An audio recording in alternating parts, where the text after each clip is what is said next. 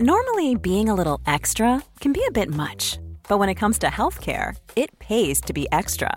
And United Healthcare makes it easy with Health Protector Guard fixed indemnity insurance plans. Underwritten by Golden Rule Insurance Company, they supplement your primary plan, helping you manage out of pocket costs without the usual requirements and restrictions like deductibles and enrollment periods. So when it comes to covering your medical bills, you can feel good about being a little extra. Visit uh1.com to find the Health Protector Guard plan for you.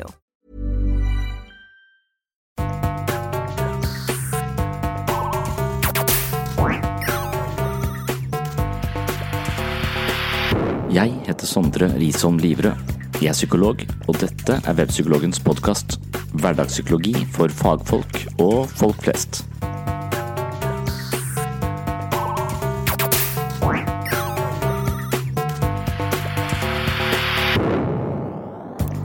Velkommen til episode 40 av Sinnsyn. I dag er tema valgets kvaler. Vi trodde at teknologiske fremskritt, frihet og valgmuligheter skulle gjøre livet vårt enklere og mer tilfredsstillende, men slik ble det ikke. I moderne tid har valgmulighetene eksplodert. Vi må velge hvem vi skal være og hvordan vi skal være det. I løpet av en dag må vi ta enormt mange avgjørelser, og antall valg vi har til rådighet ved hver avgjørelse er langt mer mangfoldig enn før i tiden. Det krever at vi tenker oss nøye om, og i ettertid kan vi se tilbake på alle de tingene vi valgte bort, og eventuelt spekulere i om det ville vært bedre å velge noe annet. Andre ganger tar vi galt valg, og vi klandrer oss selv og river oss i håret fordi vi klarte å feile til tross for alle valgmulighetene vi hadde. Når du øker antall valgmuligheter, øker du også sannsynligheten for å velge feil. Tvilen før et valg blir mer omseggripende, og filosofen Søren Kirkegård har sagt at angst er sekundene før vi tar et valg. I tillegg viser det seg at menneskehjernen ikke er laget for å ta valg. Vi er ikke spesielt kompetente på å velge, noe som gjør situasjonen vår enda verre. Dagens episode er et opptak fra et foredrag jeg hadde på Bystranda i Kristiansand. I salen satt veiledere fra universitetene over hele landet. Det er mennesker som skal rådgi unge studenter i forhold til utdannelse og veien videre i livet. De jobber tett på mennesker som står overfor store valg. Dessverre var mikrofonen jeg hadde ganske dårlig, noe som gjør lydkvaliteten svak. Jeg håper at tekniske hjelpemidler kan forbedre lyden, så det er mulig å høre uten altfor store forstyrrelser. Da tar vi turen til Bystranda.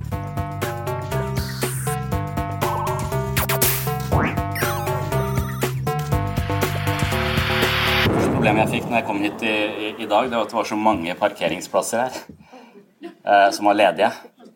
Så da ble jeg sånn stressa. Hvem skal jeg velge? Eh, hvor skal jeg gå opp?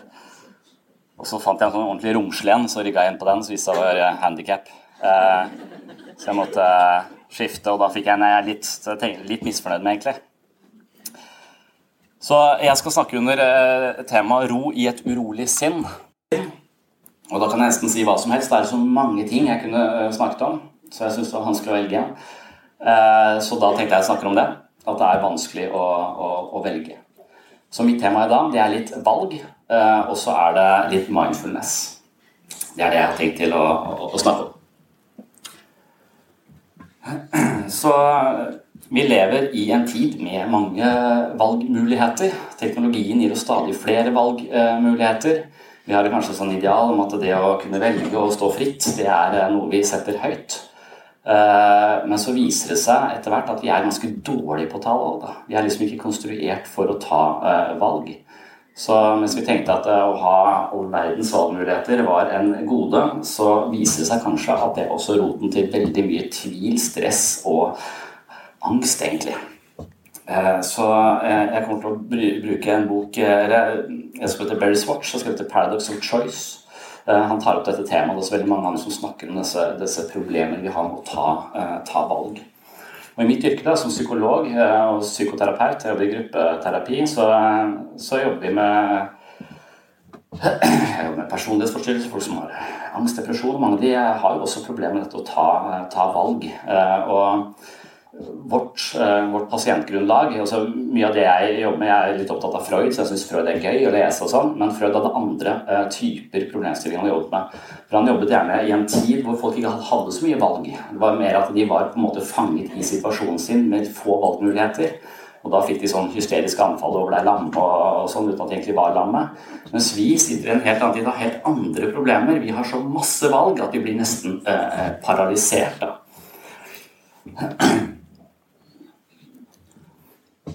Så eh, flere studier peker altså i samme retning, og konklusjonen er at mennesker er mer fornøyde i situasjoner hvor de tilbys færre valg.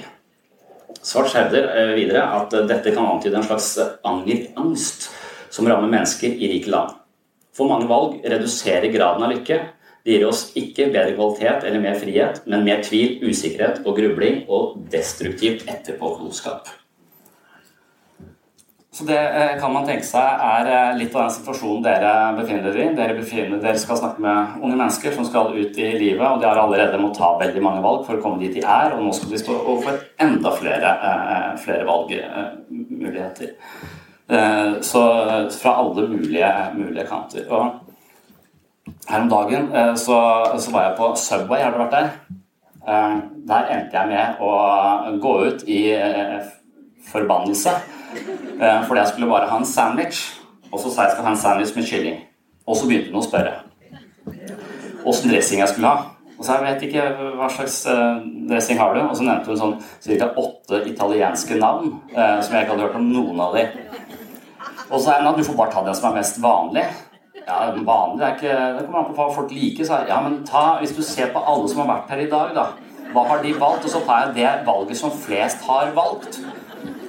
Og så ble vi ferdig med dressingen, og så skulle vi opp på sylteagurker og alt mulig annet. Eh. Og jeg sto og tenkte dette kan du ikke, jeg er ikke, jeg er ikke kompetent til å avgjøre hva slags sandwich jeg skal spise nå. Så jeg sa at jeg bare dropper hele greia, og så gikk jeg eh, på McDonald's eh, isteden. Så det ødela på en måte opplevelsen eh, til, de, til de grader. Uh, og, det er så mange av disse situasjonene uh, i, i, livet vårt hvor, uh, hvor, vi tenker at det å ha masse valg er, kan være bra, men, men, så viser det seg at det, det skaper mye, mye, stress. Jeg var hos fastlegen for ikke så lenge siden også, hadde en litt sånn alvorlig tilstand. Jeg er hypokonder, jeg var ganske sikker på at det var en alvorlig tilstand. Og, og, da igjen, altså da, da, ble jeg sittende og så forklarte meg hva jeg feilte, og så sa han at da har vi tre alternativer. Og så, faen, tre alternativer.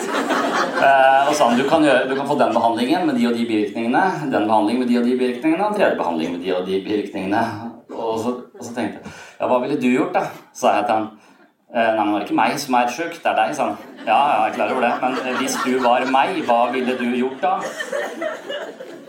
Nei, da eh, eh, sa han ja, men nå er ikke jeg deg, eh, så, så, det er du som, eh, som, som, må velge. Og da begynte jeg sånn Ja, men hva vil folk i min situasjon valgt?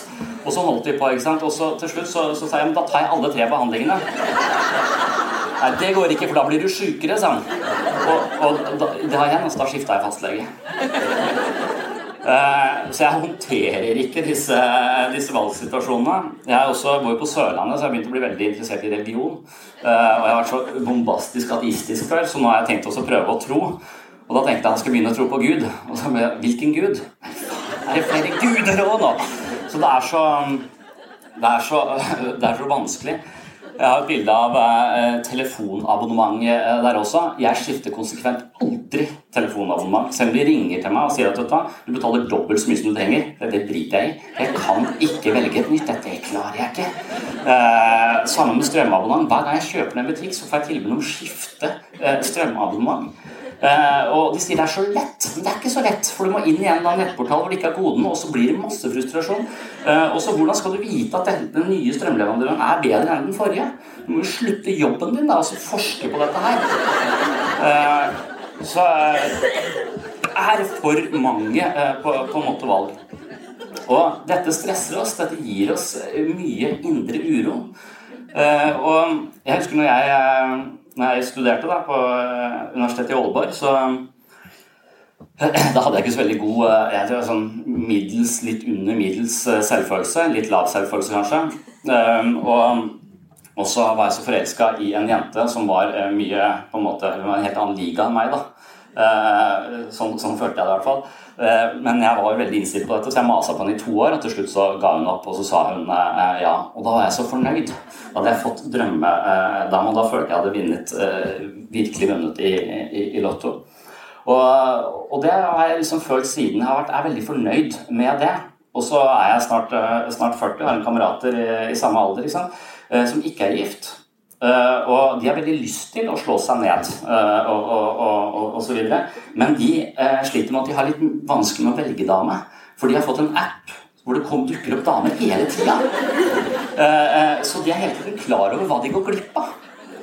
Uh, og, og, hvis du går inn i et forhold sånn og tenker at nå skal jeg teste deg litt og se hvordan dette uh, fungerer, men hele tiden liksom har et blikk rundt meg tilfelle det er noe som, uh, som, er bedre og Jeg tror det er oppskriften på en måte på å, å ikke ha et bra, bra, parforhold. Hvis jeg hele tiden går rundt og kikker etter folk som er penere eller smartere eller mer attraktive enn min egen kone, så tror jeg det kan gjøre noe med forholdet mitt der, der hjemme. Man sier ofte at gresset er grønnere på andre sida, men gresset er egentlig grønnest der man vanner det. Det er i hvert fall det Berry Swartz eh, eh, eh, forteller oss. Så problemet er altså at vi står i en verden full av masse valgmuligheter. og, og istedenfor at det gir oss frihet og handlingsfrihet, så gir det oss bare sånn, helt sånn paralyserende tvil. For, for, problemet er når du får flere eh, eh, valgmuligheter, eh, så er sannsynligheten for at du velger feil, mye større. Eh, og når du da viser at du velger feil, så kan du bare skylde på deg selv. Hvordan klarte du å velge så feil når du hadde så mange muligheter? Eh, og det er det som da skjer etter vi har tatt et, eh, valg, som er denne destruktive etterpåklokskapen. Jeg var avhengig av Finn jeg, i tror jeg, nesten tre år etter jeg hadde kjøpt et hus. Du har vært på Finn. Liksom, Jeg går inn automatisk. Det er en slags Tourettes syndrom, nærmest. Jeg kommer bare faller inn på, på Finn og sjekker boligannonser. Uh, og så kjøper jeg et hus, men da fortsetter jeg med det for å sjekke er det noen andre hus som nå er til salg, som kan være litt bedre enn de jeg kjøpte, eller var det et riktig, riktig valg? og det er heller ikke sånn å være fornøyd med der man er. Da begynner man å se hva valgte jeg nå, nå riktig i dette landskapet av tusenvis av, av, av valg. Så, eh, så, rådet til Berry Sports det er å, å, på en måte um, gjøre valgene våre så endelige som mulig, uh, og ikke dvele så masse uh, med dem. For idet vi bruker masse tid på å dvele ved det, så spiser det opp livet vårt i en slags sånn uro og, og tvil. Så Barry Svart deler inn befolkningen i to grupper. Han har maximizers og minimizers. Nei, satisfiers. Eh, maximizers det er de som hele tiden skal ha det beste. De som hele tiden googler skal ha ny genser, så sjekker de alle nettbutikkene. De sjekker alle muligheter, kvaliteter osv. De vet alt om det produktet de skal eh, kjøpe. Har brukt masse eh, tid på det. Men Satisfiers de bare setter en standard her, og hvis det de, de, skal kjøpe eller det de skal gjøre, er innenfor den standarden, så gjør de det, så tenker de ikke noe mer på det. Og Da har han forsket litt på dette og funnet at spørsmålet er gjør disse maximizerne bedre valg. Tar de bedre valg i livet sitt? Eh, og svaret er ja, de gjør det. Eh, de har litt bedre jobber, de tjener litt mer, og så har de dårligere livskvalitet. Eh, så det å være en satisfier Du får litt dårligere lønn, men du har sannsynligvis bedre livskvalitet. Så det å sette pris på det man har, og det man velger å stå for det, det må være et slags sånn, eh, veldig godt råd da, eh, til eh, mennesker i en verden som bare bombarderer oss med valgmuligheter. Og bombarderer oss med informasjon hele tiden om hva vi kunne valgt og ikke valgte. For ethvert valg det innebærer et fravalg. Eh, og, og der kommer denne eh, tvilen inn, eh, inn, inn, i bildet. Eh, jeg husker jeg leste han er Samuel Beckett for mange år siden. Han har tre bøker. husker Malone og Malone dør er den boka. Jeg husker ikke om det er Malone eller Molly eller hva det heter for disse karakterene, men en av disse karakterene falt faktisk ned i en grøft. Uh, og, og, han skada seg ikke noe, men han ble liggende i den grøfta og fundere på hvordan han skulle komme seg opp igjen. Og det var ikke så vanskelig. Han kunne egentlig men spørsmålet om han skulle gå opp til høyre, eller om han bare skulle fortsette videre til venstre, eller om han skulle gå litt lenger fram i den grøfta, så opp til venstre, eller så eventuelt til høyre, eller om han bare skulle fortsette andre veien i denne grøfta. Og sånn ble han liggende og tenke, da. Det her tok jo 30 sider. Det er ganske utmattende å lese, faktisk. Uh, og til slutt så dør han. Fordi han klarer ikke å bestemme seg. Så han blir så utmatta at til slutt så kommer han ikke opp fra denne, eh, denne grøfta, så han dør av, av tvil. Og sånn, hvis man sånn litteraturfolk eh, snakker om dette som på en måte Descartes' tvil da, ut i praksis, eh, så, eh, så, vanskelig kan det være å ta, eh, å ta valg. Så eh, vi, er, vi, bombarderes med valg, og så har vi ikke en hjerne som på en måte er spesielt god på å ta de, de valgene. Og et interessant sånn, fenomen innenfor dette her er dette her med organdonasjon. Dette her er som da en statistikk på hvor mange prosent av befolkningen som er organdonorer, av sjåfører som, er, som, vil gi bort organene sine hvis de skulle krasje. Og det er mulig å bruke organene deres. Nå ser vi at det er ganske stor forskjell eh, på land som man tenker er ganske like. Eh, F.eks. se på eh, Danmark er på 4 prosent. Og så ser vi at Sverige er på 86. Nå tenker Det er ikke så stor forskjell på, på Danmark og, og, Sverige, men likevel er det bare 4% organdonorer i, i Danmark, og så har du 86 i, i Sverige. Og det er merkelig. Liksom. Hva, er, hva er eh, årsaken eh, til det? Nederland er liksom den, eh, den eh, største av den lille eh, gruppa. Eh, og, der viste det seg at de hadde sendt ut en mail til alle innbyggerne og spurt om vil dere være så snill å være organdonor, og da fikk de 28 prosent. Mens det er jo ikke på langt nær det de har klart i disse i Frankrike og Belgia og Sverige og Portugal. Og det de landene der har gjort, det er rett og slett å lage en litt annen boks for hvordan vi skal eh, krysse av på dette skjemaet. Uh, så uh, øverst der så har du altså Sjekk denne boksen her hvis du vil være med i organdoneringsprogrammet vårt. Kryss av. De landene som har mange, de landene som har opp mot 100 organdonorer, de har en annen boks som sier at sjekk, eller kryss av i denne boksen hvis du ikke vil være med i organdonorprogrammet vårt. Og da får de altså 100 fordi at vi kan ikke ta sånne type valg. Vi lar være. Vi vil ikke komme til å krysse uansett. For altså, hvordan skal vi forholde oss til det? da? Hva, jeg, hva, jeg, er jo død. Uh, kroppen, hvordan skal jeg tenke om Jeg vil ikke tenke på døden. Jeg bruker masse tid på å unngå å tenke på døden. Uh, og da, det å kontemplere hvordan jeg skal forholde meg til min egen kropp når jeg er død, det vet jeg med å gjøre. Så jeg krysser ikke i det hele tatt. Og da blir jeg enten med eller ikke med, avhengig av hvilket land jeg bor i. Så komplekse valg er utrolig vanskelig for oss, og vi vegrer oss for å ta dem. Og da kan man tenke seg at det kanskje bare er eh, lekfolk og sånn som har dette problemet. Profesjonelle folk har ikke det problemet. Leger, f.eks. Eh, de har jo, de har jo slutta velge, åpenbart. De gir meg alle valgene. Eh, utrolig irriterende. Men legen står mellom meg og Gud, på en måte. Altså Han skal bestemme om jeg skal leve eller ikke leve. Eh, og så er han usikker. Altså, du må bare fake at du er sikker. Du må bare si et eller annet sånn bastant, så jeg kan tro på, tro på det. Ikke gi meg disse valgene.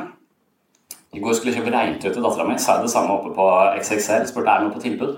Nei, det er ikke noe på tilbud. Uh, kan du bare si et eller annet bra om et eller annet, og så kjøper jeg det, og så får jeg en god følelse. Bare si et eller annet at det er bedre enn noe annet, og så, uh, og så blir vi ferdig med det.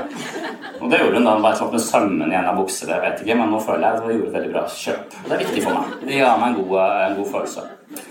Et studie som ble gjort på leger, det handler om hoftetransplantasjon. Det er jo litt av et prosjekt, egentlig. Så, og, da er det altså pasienter som har kommet til legen med dårlig hofte, og så er de blitt videresendt til hoftetransplantasjon. Uh, og så legger de inn en uh, liten vri der hvor de sier til legen at vet du hva, det finnes en medisin her som du kan prøve før du transplanterer denne hofta. denne medisinen har vist seg den er ny, den har vist seg å ha god, god effekt. Hva gjør du nå? De fleste leger vil da kalle tilbake pasientene fra transplantasjon, altså stoppe det, og så prøve denne medisinen først. Det er en, naturlig ting. Det er ganske stort inngrep. Eh, skifte hele midtpartiet, på en måte. Eh, så, så, hvis du kan endre det med medisin isteden, så vil det være en god ting. Så da kaller de pasientene bak, og så prøver de det isteden. Men hvis du legger inn en vri der sånn, og sier at, du at det er to medisiner som du kan prøve mot, eh, mot, disse problemene dine istedenfor å transplantere hele eh, hofta. Da blir valget mer komplekst. Hva gjør legen da? Kaller han tilbake pasienten? Nei. Majoriteten av legene lar hoftetransplantasjonen bare eh, gå sin gang og kaller ikke tilbake eh, pasientene. Det ble så vanskelig, nå ble det mange ting å, å tenke på, så de lot det bare være. Det burde bekymre oss. Eh, så kanskje vi bør ta disse valgene selv, men vi er jo eh, dårlige på det. Eh, dommere i USA som sitter og skal velge menneskets skjebne, eller bedømme, dømme dem Det viser seg at når jeg har studert dette med om folk får, skal få prøveløslatelse eller ikke, så kommer det veldig an på hvilket tidspunkt på døgnet du får saken din opp på. Så, og liksom, I sosialpsykologi så er det ofte veldig sånne små funn. Det er sånn nesten signifikant. Men dette, dette funnet her er helt gedigent. på en måte.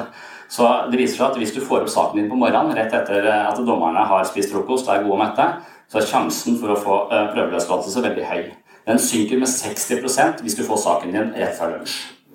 Eh, og, og, da Det er jo eh, også eh, eh tragisk. Et annet valg vi akkurat har eh, vært ute for, det er eh, stortingsvalg. Der er det David Pizarro, som, som er en sånn sosialpsykolog, som har forsket mye på disgust. Og han lurer på hva, hva, hva, Vi tror jo at vi er liksom rasjonelle og, tar disse valgene på bakgrunn av vår bedre viten og våre politiske holdninger og ettertenksomhet. Og det gjør vi også, men det er en hel del faktorer som vi ikke vet og som påvirker valgene våre. Og det han har funnet ut av, er at vår toleranse for vemmelse påvirker hvorvidt vi er liberale eller konservative i måten vi, måten vi velger på. Så det han sjekket, var at han eh, ga folk en eh, masse eh, spørsmål om, politiske, om, de, om deres politiske holdninger. Og så ga han denne gruppen spørsmålene i et rom som lukta blomster. Så svarte de. Noen måneder senere blir de kalt inn på nytt. Får det samme spørreskjemaet, skal svare på nytt. Det er veldig mange spørsmål. Men denne gangen lukter det søppel i rommet. Da viser det seg at de har endret, de er mye mer konservative i svarene sine. Så Hvis det lukter vondt rundt oss, så er vi mye mer konservative eh, eh i, i, i, svarene våre. Eh, og, og, det interessante eh, eh, med det, på en måte, og det som kanskje blir en viktig ting av mitt, mitt tema i dag, det er at hvis du spør dem da hvorfor har du endret holdning fra to måneder til nå, så lager de en forklaring. De lager en eller annen eh, fabrikkert forklaring på hvorfor de har endret holdning som virker plausibel, og som de tror på selv. Mens forskerne vet at tendensen her er at folk svarer mye mer konservativt fordi det lukter søppel eh, i, i, rommet. Uh, og, og, da på en måte, så Poenget mitt med valg er bare at det stresser oss. Det er uh, vanskelig å forholde seg til. Og vi ønsker egentlig minst mulig av det. Det å tro at masse valg gjør oss lykkelige, det viser veldig mye forskning at det egentlig er feil. Det vi mennesker gjør for å bli mer lykkelige, det er egentlig å minimere valgmulighetene våre. Eh, så, eh, og det gjør vi på forskjellige måter. Vi gifter oss, f.eks. Da kan vi ikke ha sex med hvem vi vil lenger. Det kunne ikke jeg før jeg gifta meg heller, selv om jeg prøvde. Eh, så, så, så det, det, det minimerer jo ting. Og så får vi barn. Jeg har fått tre stykker. Det betyr at vi har ikke noe fritid lenger. Eh, så alle de tingene i livet vårt som begrenser oss og så gir oss mindre frihet, så rapporterer vi høyere grad av lykke. Så vi, vi føler oss mer tilfredse når vi har mindre, eh, mindre, eh, mindre frihet. Og det syns jeg er på en måte et interessant fenomen. Da. Paradoks, som Barry Swartz kaller det. Og så, så det å på en måte når, jeg har disse Tinder-kameratene mine, så ser jeg at de, de, de, kommer aldri til å lande. For de har altfor mange, eh, for mange valg, rett og slett. Eh, så eh, jeg har eh, minimert mine valg, men jeg ser at, jeg var Jeg, har på en måte, jeg er mer tilfreds i dag enn jeg var når jeg hadde all verdens med tid til å gjøre det, det jeg ville osv. Nå har jeg tre barn. Jeg har ti minutter fri hver dag. Det er fra halv ti til ti over halv ti. Da har jeg tenkt å drikke vin og, og, og slappe av og, og, kose meg. Så klokka halv ti sitter jeg med vinglasset. Klokka ti over halv ti så har jeg sovna med vinglasset uh, i handa. Så våkner jeg klokka, eh, klokka ett, at den minste gråter, og jeg må opp og, gå litt med henne osv. Så, videre. så jeg prøver iherdig å bli alkoholiker, men jeg har ikke tid til det. Eh, det er mitt eh, problem. Så hvordan på en måte kan vi velge eller valgene våre Vi er i en verden full av valg, så vi må på en måte forholde oss uh, til det.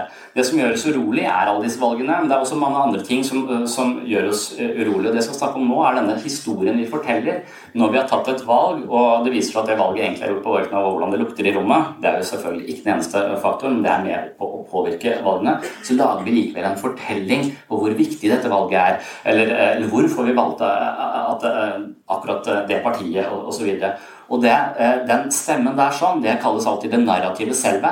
Det er en stemme som går inn i huet vårt og snakker til oss hele forbanna dagen. Noen mener at den, eh, den, sier sånn mellom 40 og 80 000 ting til oss i løpet av, uh, av en dag. Og mye av det er bare sprøyt, men vi forholder oss, forholder oss til det.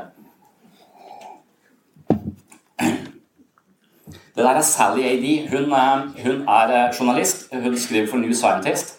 Og hun fikk lov til å komme inn i det amerikanske forsvaret og prøve en ny hjelm de har laga. Og den hjelmen den er ganske, eh, ganske, gøy, for de mener at den skal skru av dette narrativet selve. Eh, det gjør den ikke helt perfekt ennå, men den, eh, det er mulig at den demper det, eh, demper det, litt. Så det hun skal få lov til å prøve Hun skal komme inn i simulatoren deres. Hun er journalist. Og, og, hun skal få lov til å teste en simulator. Hun kommer inn i et rom, og så kommer det masse IS-soldater mot henne. Hun har ei rifle og hun skal lade denne rifla, og det kommer bare den ene selvmordsbomberen etter den andre. Hun skal skyte så mange som mulig. Og stressnivået går rett opp, pulsen hennes går i taket. Og hun tenker nei, dette får jeg ikke til, og hva skjer nå? Og, og, og rifla kjører seg fast, alt blir galt. Til slutt bare legger hun seg ned og gir opp. Jeg orker ikke mer. Um, og så tar de henne ut, og så skal vi få lov til å prøve en gang til. Men nå skal vi få prøve den hjelmen de har laga. Eh, så eh, det, er ikke, det har ikke hjelp på deg, men det er noen elektroder. Det heter en transkranial hjelm. Jeg håper den kommer på eBay snart. Veldig, jeg har veldig lyst på en sånn, eh, sånn hjelm. Men greia er at når hun går inn med den hjelmen, så er hun der inne en stund. Når hun kommer ut igjen, så spør de henne hvor lenge tror du du var der. Og så sier hun ja, kanskje et minutt. Nei, du var der 20 minutter, sier de. Ok, hvor mange klarte jeg? sa hun. Alle, sa de. Hva skjedde nå? Og så Hun har fått på seg en hjelm. Hun dreper. Hun har blitt en slags eh, drapsmaskin. Men denne drapsmaskinen, det er ikke poenget med det. Men hun sier etterpå at det eneste jeg ønsket meg eh, når jeg kom ut eh, derfra, det var å gå tilbake og få på meg den hjelmen igjen. For så stille har jeg aldri hatt i hodet mitt. Det er den første gangen denne kritiske stemmen som snakker til meg hele tiden, holdt kjeft. Og jeg kunne gjøre akkurat det jeg eh, skulle der inne. Så det var som om alle disse stemmene som skvaldret til oss hele tiden, så enten vi hører eller ikke hører, ble helt tyst. Og hun var til stede i øyeblikk på en måte hun aldri har vært før. Hun liker ikke nødvendigvis å drepe folk, men hun likte denne stillheten, og det var det hun ønsket seg uh, uh, tilbake til. A lot can happen in the next three years. Like a chatbot may be your new best friend. But what won't change? Needing health insurance. United Healthcare Tri Term Medical Plans are available for these changing times Underwritten by Golden Rule Insurance Company, they offer budget-friendly, flexible coverage for people who are in between jobs or missed open enrollment. The plans last nearly three years in some states, with access to a nationwide network of doctors and hospitals. So for whatever tomorrow brings, United Healthcare Tri-Term Medical Plans may be for you. Learn more at uh1.com. Hey, I'm Ryan Reynolds. At Mint Mobile, we like to do the opposite of what Big Wireless does. They charge you a lot we charge you a little. So naturally, when they announced they'd be raising their prices due to inflation, we decided to deflate our prices due to not hating you. That's right. We're cutting the price of Mint Unlimited from $30 a month to just $15 a month. Give it a try at mintmobile.com slash switch. $45 upfront for three months plus taxes and fees. Promo for new customers for limited time. Unlimited more than 40 gigabytes per month. Slows. Full terms at mintmobile.com. Oh. Det er eh, et viktig aspekt eh, med denne indre uroen vår, er at vi på en måte identifiserer oss med både tanker og følelser inni oss. Disse fortellingene forteller oss om hvem vi er, hva vi klarer, hva vi ikke klarer, hva som er bra, dette at vi sammenligner oss med andre hele tiden. All denne eh, skravlinga som, som, foregår, den styrer livet vårt i ulike retninger og skaper masse uro i oss. Og Psykologien handler om disse narrativene vi forteller om oss selv. De handler om hvordan disse narrativene ble installert i oss. Uh, John Klosko snakker om noe som heter negative leveregler. Det er, det er, som om vi blir programmert gjennom oppveksten vår. Vi får tilbakemeldinger. Min lille datter nå på 11 måneder hun stirrer opp i mitt ansikt hele tiden for å finne ut av hvem er jeg? Uh, hva er gøy? Hva er ikke gøy? Hvor er vi? Er det en mann med skjegg farlig? Nei, han er ikke en terrorist. Så, uh, når det ringer på døra, så er hun ofte veldig sånn glad for å se nye, men hvis det kommer menn med skjegg, så blir hun dritstressa. Så jeg lurer på om hun er litt rasistisk, eller uh, om hun er redd for terrorisme. Uh, men, men, hvert fall så, så hun blir menneskelig ikke sant? Når, i det hun i, i mitt ansikt. Hun ser hvem hun er i mitt ansikt. Og det jeg forteller henne om henne, det kan også påvirke dem med å installere programvaren i hennes hode, og hvordan hun kommer til å tolke verden eh, eh senere eh, i livet. Det er den dynamiske psykologien som tenker at både samfunnet påvirker oss, miljøet påvirker oss, og foreldrene påvirker oss. Hvis vi er en person som har vokst opp med masse kritikk og blitt oversett eller eh, latt oss selv eller mobba osv., så, er det lett for at vi får en stemme som sier at du er ikke like god som alle andre, du bestiller deg bakerst i, eh, køen, eh, andre er bedre enn deg, så eh, hold en lav profil, bli usynlig, bli borte, eh, og, og du føler lite påvirkningskraft i livet ditt, og du er redd og får angst. Det er en måte å tenke på som kan svive og svive og svive, og svive, som ikke nødvendigvis hører.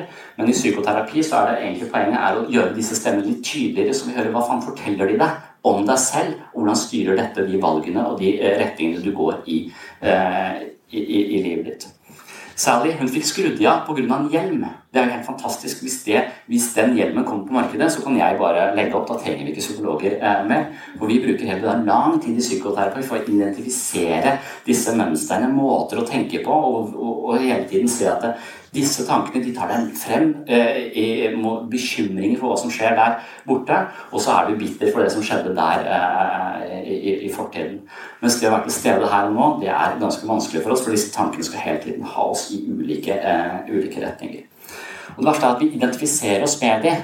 Hvis, en person, hvis du har blitt mobba opp igjennom så identifiserer seg, du skjønner at denne personen er, eh, var slem, den, det var uh, ugreit, det den gjorde mot meg, så har det likevel sneket seg inn hos mange mennesker en følelse av at de er ikke så gode som uh, alle andre. Og så tenker de at det er min verdi. altså Disse stemmene får lov til å diktere hvem jeg er som menneske, og hva min verdi er. Så, og, dermed så har vi på en måte selvfølelsen vår knytta til disse skravlende stemmene i, i hodet. Og det er kanskje det som Hvis folk kommer seg ut av dette, så forstår de at det er en feilaktig eh, tilskrivning av min identitet. Dette er ikke den jeg eh, egentlig er. Dette er mitt operativsystem, men det er også dette operativsystemet som jeg tolker alle mine nye opplevelser gjennom. Men de opplevelsene jeg da tolker, de blir også da farget av alt jeg har opplevd eh, eh tidligere. Så det å få litt fokus på dette her er ganske viktig, for det er her inne vi skrur sammen alle opplevelsene av uh, livet vårt. Og det er her vi tar alle disse valgene uh, vi, skal, uh, vi, skal, ta i, i løpet av et, et, liv. Og hvis du ser på det bildet, bildet der nå, så er det Og det har jeg tenkt litt på, jeg tror dette er en liksom New Age-metafor, men, men, men, la oss si hvis vi, hvis vi det jeg prøver å fortelle mine pasienter, er at du er ikke tankene dine, og du er ikke følelsene. Du må aldri stole på dem. Du må ikke må, må på en måte, Tanker og følelser de kommer og går hele tiden. Eh, og det å tillegge dem for mye eh, påvirkningskraft, det er ganske farlig. Eh, så, så, man kan jo si at det, hvis vi så for oss at vi var en TV, og det er et voldelig program på TV-en, så sier vi ikke at det er en voldelig TV. Vi sier bare at nå er det et voldelig program der, på en måte, men TV-en er fortsatt TV-en. Og så kan man kanskje tenke litt om vår egen bevissthet. og det er på en måte en del, en del av den mindfulness-filosofien at vi er bevisstheten. Men i bevisstheten så dukker det opp tanker, følelser, tanker, følelser, bekymringer hele tiden. De går på autopilot, og veldig ofte så snakker de ikke sant. Eh, de lager fortellinger om hvem de er, som de har konstruert sammen på bakgrunn av hva folk har fortalt oss at vi er. Og det å innse dette, innse at vi er TV-en, ikke det programmet som går på denne TV-en, det er en viktig del av å frigjøre seg fra den indre uroen og dette tankekjøret som mange, eh, mange sliter med. Så mindfulness, eh, psykoterapi, det handler om å beskrive sitt indre liv. Det handler om eh, å istedenfor å være fanget av perspektivet sitt, fanget av følelsene sine, så tar vi ett skritt tilbake og beskriver hva som foregår på, på innsiden. Og for å gjøre dette relevant for det, så tenker jeg at hver gang vi forteller folk, hver gang vi rådgir folk eller forteller noe de burde gjøre, så kan det være veldig riktig i mange sammenhenger. Men hvis vi skal styrke dem i sitt eget indre liv, så bør vi stille dem spørsmål. Hvis vi stiller et spørsmål om hvordan de har begynt å tenke på den måten, om hvordan de kom til den konklusjonen, om hvorfor de ser det som så livsviktig, akkurat hvordan det går på den eksamen osv. Eh, hvis vi begynner å stille de spørsmål, så er de tvunget til å ta et skritt tilbake og beskrive seg selv. Og idet vi beskriver oss selv, så er vi ikke lenger fanget av, eh, av oss selv. Og idet du beskriver deg selv, så bruker du prefrontal cortex. Det er den delen av hjernen som på en måte er observatøren av alt det andre som foregår. Og det er på en måte en veileder, en, en, et medmenneske osv., et godt medmenneske, det kanskje hjelper folk å komme opp her oppe og ikke være fanget av uh, følelser og tanker osv. Mitt eksempel der som jeg pleier å snakke om foredrag, er at eh, språket, på en måte, min forståelse av mitt indre liv, det er det som kan på en måte frigjøre meg fra indre uro og, og, og symptomer. Uh, nå er jeg jo småbarnspappa igjen. altså Det var sånn rykk tilbake til start. Uh, men min første datter, hun er åtte år nå, Eh, da ble jeg tvunget til å gå på babysang. Eh, og det på en måte illustrerer hvordan, eh, hvordan dette språket på en måte hjalp meg ut av indre uro.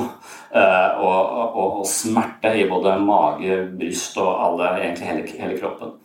For når jeg skulle være hjemme med dattera mi uh, alene uh, for første gang, og første barnet, så fikk jeg dattera mi på den ene armen, en bag med bæsjebleier og Uh, og så fikk jeg beskjed om at hun likte å gå på babysang. Og babysang foregår i Søm kirke. Jeg har problematisk forhold til kirker. Jeg prøver å jobbe med det nå for tiden, men, uh, men jeg hadde det på den tida. Og, og, da tenkte jeg at det der høres ikke ut som noe som menn driver med. men jeg er så pliktoppfyllende fordi at faren min har installert en stemme som sier at du bør gjøre det som er riktig hele tida. Bestemora mi har installert en annen stemme som sier 'gå på fest og kos deg'. Eh, drit i leksene. Så heldigvis har jeg en viss balanse eh, i, i, disse stemmene. Men det er altfor ofte at faren min overtar, og bestemora mi eh, Og hun er jo død òg, vet du. Så, så, hun har mista litt, eh, litt, innflytelse. Det er som Man kan tenke om hvordan vi er skrudd sammen. altså Det er de dialogene vi har hatt med andre mennesker, som vi nå kaller vår egen refleksjon. Eh, Det er disse stemmene som går eh, inni oss. De forteller ikke alltid sannheten om ting. Men i hvert fall så er jeg veldig pliktoppfyllende, så jeg havner i Søm kirke sammen med 16 damer som nynner. Og, eh, og, denne fornuften min, denne oversikten min som jeg trenger for å beholde ro, eh, den kuttes ut med en gang følelsessentrene begynner å aktiveres litt over en terskelverdi. Og det gjør den veldig raskt.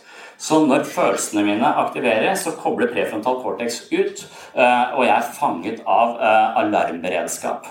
For kroppen min, som er 95% av meg, forteller meg at du er i en livsfarlig situasjon. Disse 5% som er fornuftig å si at 16 damer på babysang er ikke farlig. Det er i en kirke også. De blir kobla ut, og de får ingen innflytelse. Så jeg blir helt grepet og fanget av, eh, av eh, situasjonen.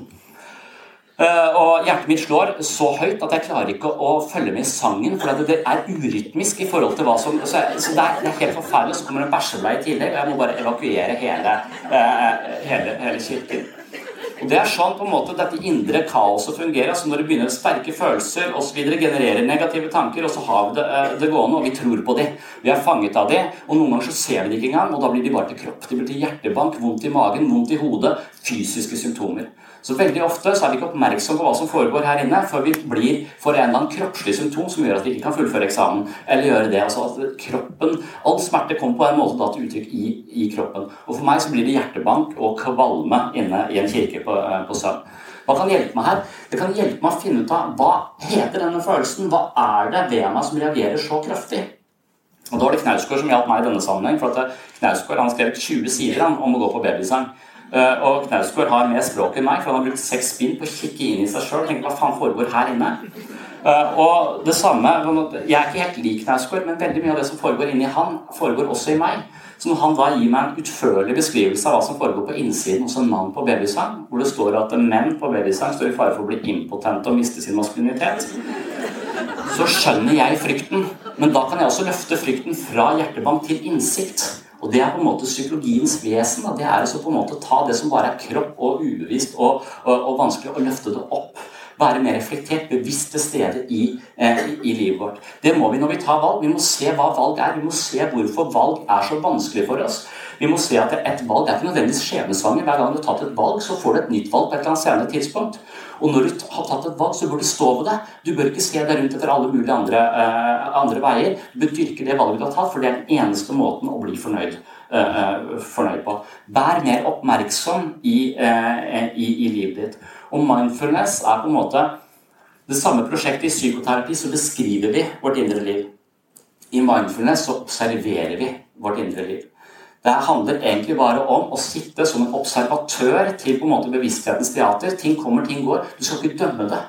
Men med en gang det kommer sånn 'Jeg skal til middag og sånn, i barnehage, rekker den Så er du fanget av, eh, av eh, stresstanker som gjør eh, at du får hjerteinfarkt på et altfor tidlig tidspunkt.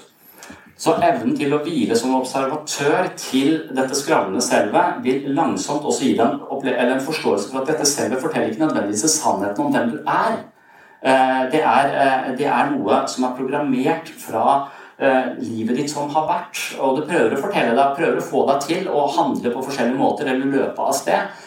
Mens, mens i meditasjon så er poenget å trene på å sitte rolig. Og jeg klarer det i ca. tre sekunder. Og så begynner jeg å tenke, og så er jeg fanget av tankene. Men da må jeg bare ta oppmerksomheten min og på en måte ta det tilbake til her og nå. Og være forankra her og nå. Og det ser jeg på som styrketrening for prefrontal cortex. Eh, før så hadde jeg, og var jeg opptatt av å trene på helsestudio. Det ser ikke sånn ut. Eh, fordi jeg fikk så lite framgang, eh, men, framgang der. Men da, og det var før jeg traff kona mi også, så da var jeg opptatt av store muskler og se bra ut for å døyve den dårlige selvtilliten. Eh, nå driter jeg i store muskler, nå skal jeg bare ikke dø eh, på en måte for tidlig. Men jeg vet, jeg har en forståelse for at når jeg går inn i treningsstudiet, så forventer ikke jeg å, å ha store muskler når jeg går ut derfra. Jeg forventer at dette er en langsom prosess. Jeg forventer at jeg er nødt til å jobbe med kroppen min over lang tid for å bli bedre form. Hvis jeg slutter, så blir jeg dårlig form igjen. Eh, så, og det samme må, Tanken tror jeg vi må ha litt om vårt indre liv. Altså det å meditere. Folk sier 'jeg har prøvd det'. Det funka ikke. Ok, jeg prøvde det en uke. Ja, men det er liksom, Jeg kan forklare folk hvordan mindfulness fungerer, men jeg kan også forklare dere hvordan det skal gå på line. Det betyr ikke at dere kan gjøre det likevel. Og sånn er det Mindfulness er en, et redskap, kanskje det beste redskapet vi har, til å få mer aktivitet i prefrontal cortex, sånn at vi kan hvile til en observatør. Ikke bli fanget av dette indre kaoset hele tiden. Og det er dette kaoset som gjør så, så skaper denne uoversikten og problemet med å ta valg og alt mulig. Så det å hvile som observatør til dette, det gjør oss en slags pause i livet her og nå. Og noen tenker på mindfulness som en måte bare koble ut på og uh, dissosiere fra virkeligheten. Det er ikke det. Når du på en måte ikke er fanget av dette indre tankekjøret eh, om uh, hva du må, hva du ikke må, og hvordan slags karakter du skal ha, om du får jobb osv. Alle disse tingene. Når du ikke er fanget av det, så er du til stede her og nå, og du kan drepe ganske mange IS-soldater. da. Så Det betyr ikke at du blir inkompetent i livet ditt eller slutter å tenke. Det betyr bare at du virkelig kan gjøre det du skal. Eh, og det, det, er en slags livskunst. Hvis vi kan lære oss det, eh, så, så, har vi et vanvittig redskap til å på en måte være til stede i det vi holder på med. Eh, og ikke fanget av, av disse indre mekanismene.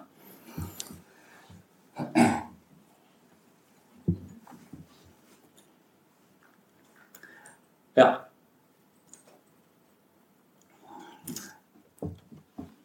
Så Det å, å, å, meditere er en langsom prosess. Jeg vet ikke, jeg nevner dette fordi at han som egentlig skulle vært her i dag, han skulle snakke om bare om mindfulness.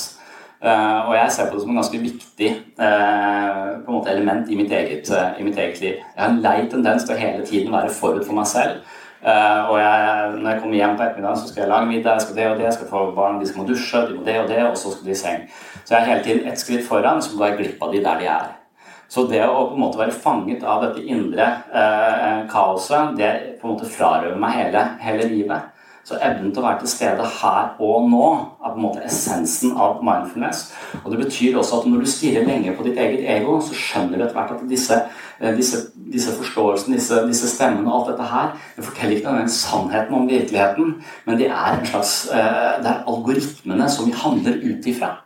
Uh, og, og, den, eh, den, eh, si, den, kognitive psykologien den, den, kan snakke litt om algoritmer. Sånn, datamaskiner fungerer på algoritmer. Og, og, Noen mener at mennesket også fungerer på algoritmer, og at følelser rett og slett er algoritmer.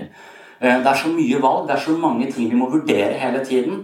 Derfor så kommer vi i en situasjon, så vurderer vi situasjonen. Så legger vi denne vurderingen på et litt lavere nivå i hjernen. Og hver gang vi kommer til en ny situasjon som ligner, så bruker vi den samme algoritmen på å vurdere den situasjonen.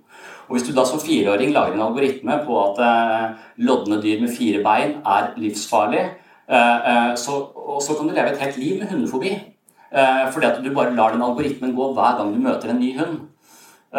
Så, så, poenget i psykoterapi det var altså at den algoritmen som forteller deg at menneskets beste venn er livsfarlig, den har du på en måte installert på et tidspunkt hvor du egentlig ikke var kapabel til å ta den typen beslutninger. Du visste ikke nok om hunder til å vurdere dette objektivt så kan du ta oss og vurdere det på nytt. Hvis vi klarer det, så kan vi få en ny algoritme som gjør at vi ikke er redd for hunder eh, lenger. Hvorvidt vi er redd for hunder eller ikke, er kanskje litt trivielt. Eh, men, eh, men eh, noe som ikke er så trivielt, er hvordan du har lært å vurdere deg selv. Hvordan har du eh, forstått din egen verdi som menneske? Og den algoritmen den bruker vi hele tiden.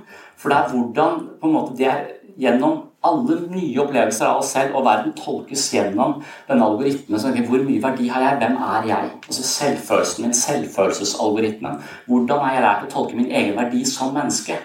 Eh, og det er altså et helt sentralt sånn en helt sentral algoritme. og Algoritmer fungerer ubevisst. De bare skyter og de bare styrer livet vårt uten at vi legger merke til det. Det å være oppmerksom på dette, det er det mindfulness handler om. Det er det psykoterapi handler om. Vær oppmerksom på de algoritmene som ikke nødvendigvis tar deg i de retningene du ønsker i livet ditt. Uh, og, og, da er denne selvfølelsesalgoritmen ganske sentral. Hvordan har jeg lært å vurdere min egen verdi som menneske? Og, og da kan man se for seg uh, eh, f.eks. at uh, når dattera mi lærer seg å sykle, så tar jeg bølgen. Når hun lærer seg å svømme, så er det trampeklapp. Eh, det er litt oppmerksom på Hver gang hun gjør noe, presterer noe, så får hun veldig mye, eh, mye skryt. Og Hvis det er noe psykologien på en måte er enige om, da, så er det at det er ubetinga kjærlighet, en aksept for den du er som menneske. Det er det, det viktigste et ungt menneske kan, eh, kan, oppleve. Men veldig mange av oss har en tendens til å applaudere prestasjoner. Og da risikerer man kanskje, hvis man gjør det i for stor grad, at vi knytter vår egen selvfølelse, vår egen verdi som menneske, til prestasjonene våre. Og Det er også noe som eh, spesielt unge mennesker står overfor. De, de vurderer seg selv ut ifra hvor mange likes de får på Facebook, hvor uh, gode karakterer de får. Alt dette her på en måte er avgjørende for deres verdi som menneske. Og Det er igjen en sånn slags feilslått identifisering med eh, noe som ikke nødvendigvis er eh, deg som person, men, men, det er prestasjonene dine handler om hvor mye du har trent og osv.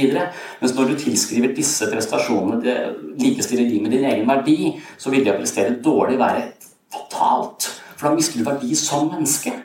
Eh, og det er det de fleste av oss gjør. altså Vi identifiserer verdien vår med utenforliggende faktorer. Hvor mye vi tjener, hvor mange, eh, mye klapp vi får, mange likes vi får. Mange sånne ting som bestemmer hvordan jeg føler meg som person.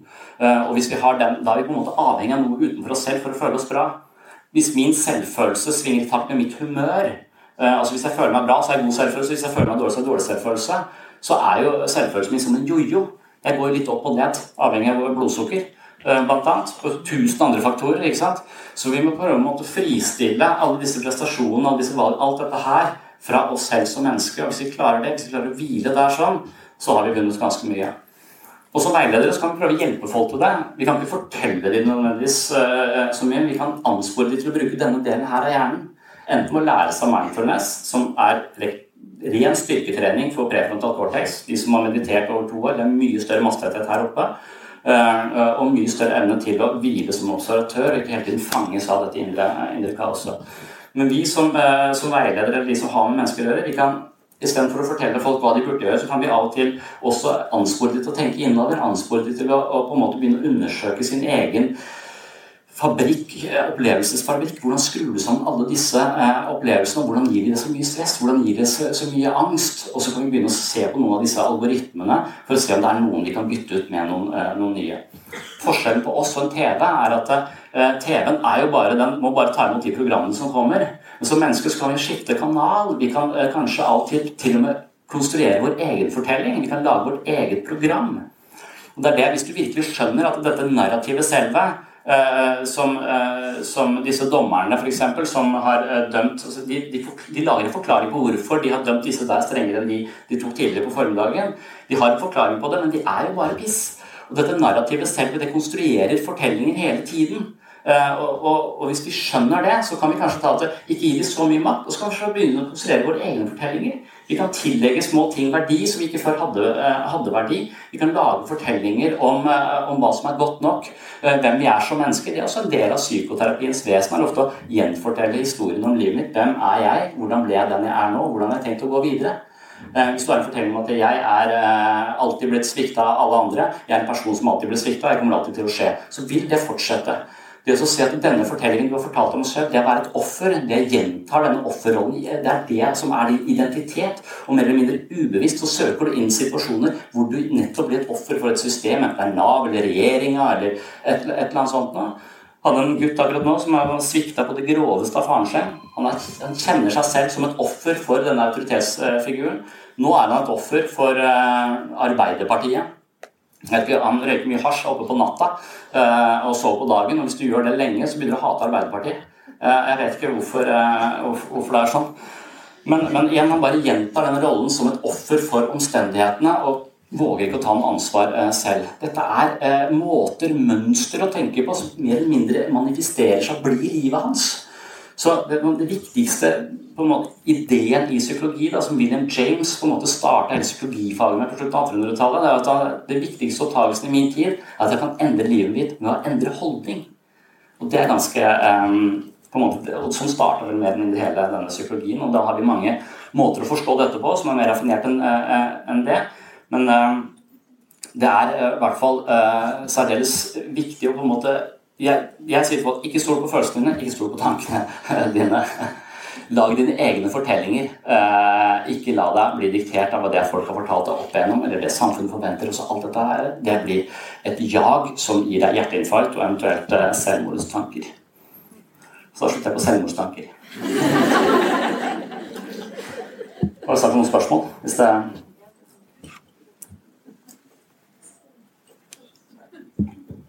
er det noen som har spørsmål til Sigurd? Sondre. Hører du den som heter Sigurd? Eh, ja. Hva er spørsmålet?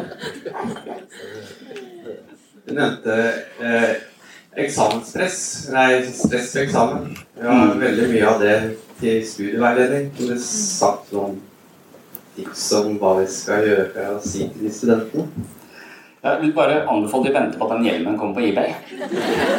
Eh, for det, det eksamenspresset er jo en, eh, en, slags reaksjon på det vi forteller om eh, oss hvor viktig denne eksamen er. Selvfølgelig er den, er den viktig, men men det vi klarer å, å, å innse hvordan tendensen vår til å krisemaksimere er veldig god.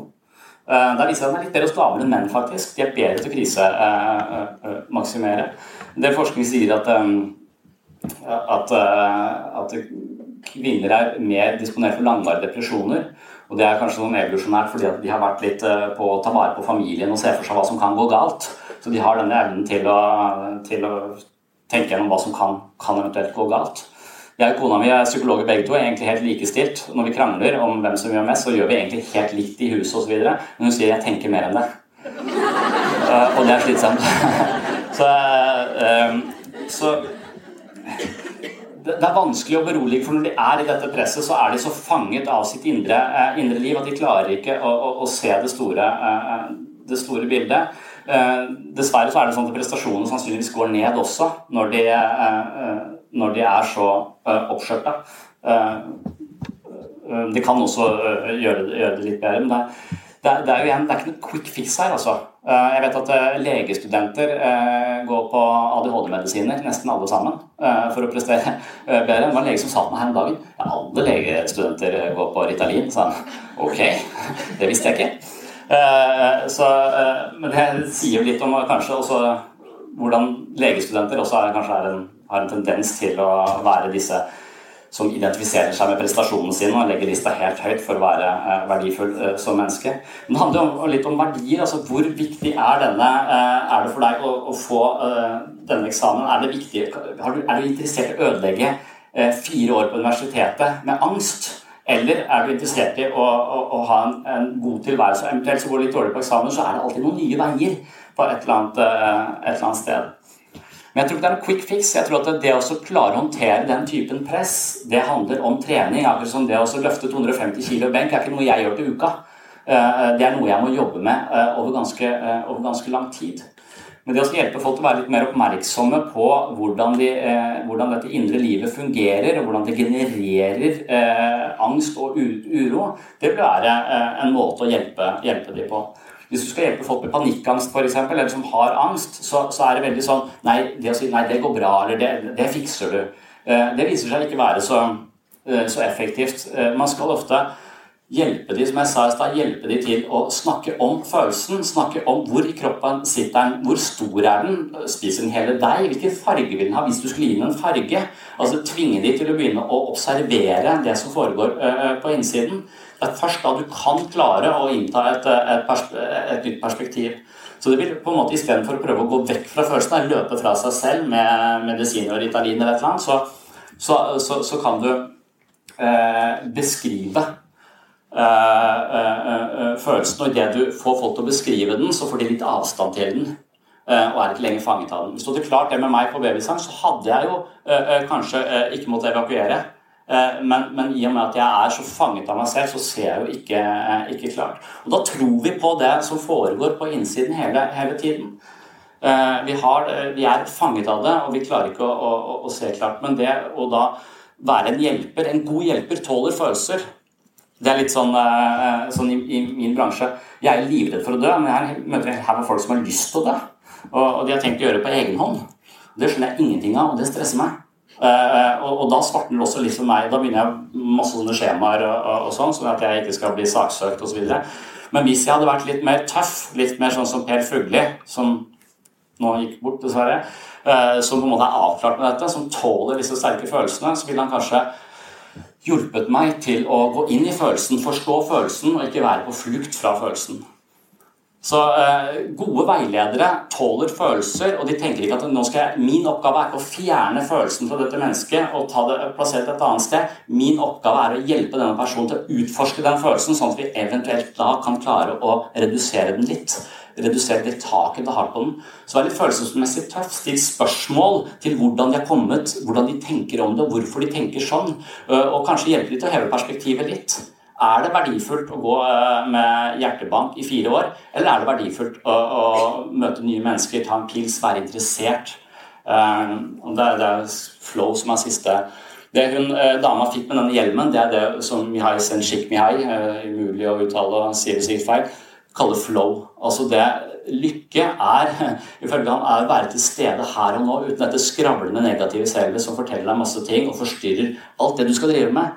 Eh, så når eh, de på en måte de, de menneskene som virkelig har hatt gjennombrudd, de, de kjennetegnes av en type flow hvor de bare oppslukes av øyeblikket uten å forstyrres av, av dette narrativet selve.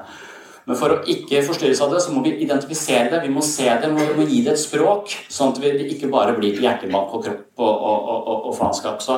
Så, det beste dere kan gjøre, er kanskje å være litt nysgjerrig på det. Stille spørsmål. Ikke, ikke nødvendigvis uh, gi så mange svar, men få vedkommende til å hoppe opp i prefrontal cortex i stedet for å være fanget av det limbiske systemet, rett og slett. Mm. Enkelt og greit.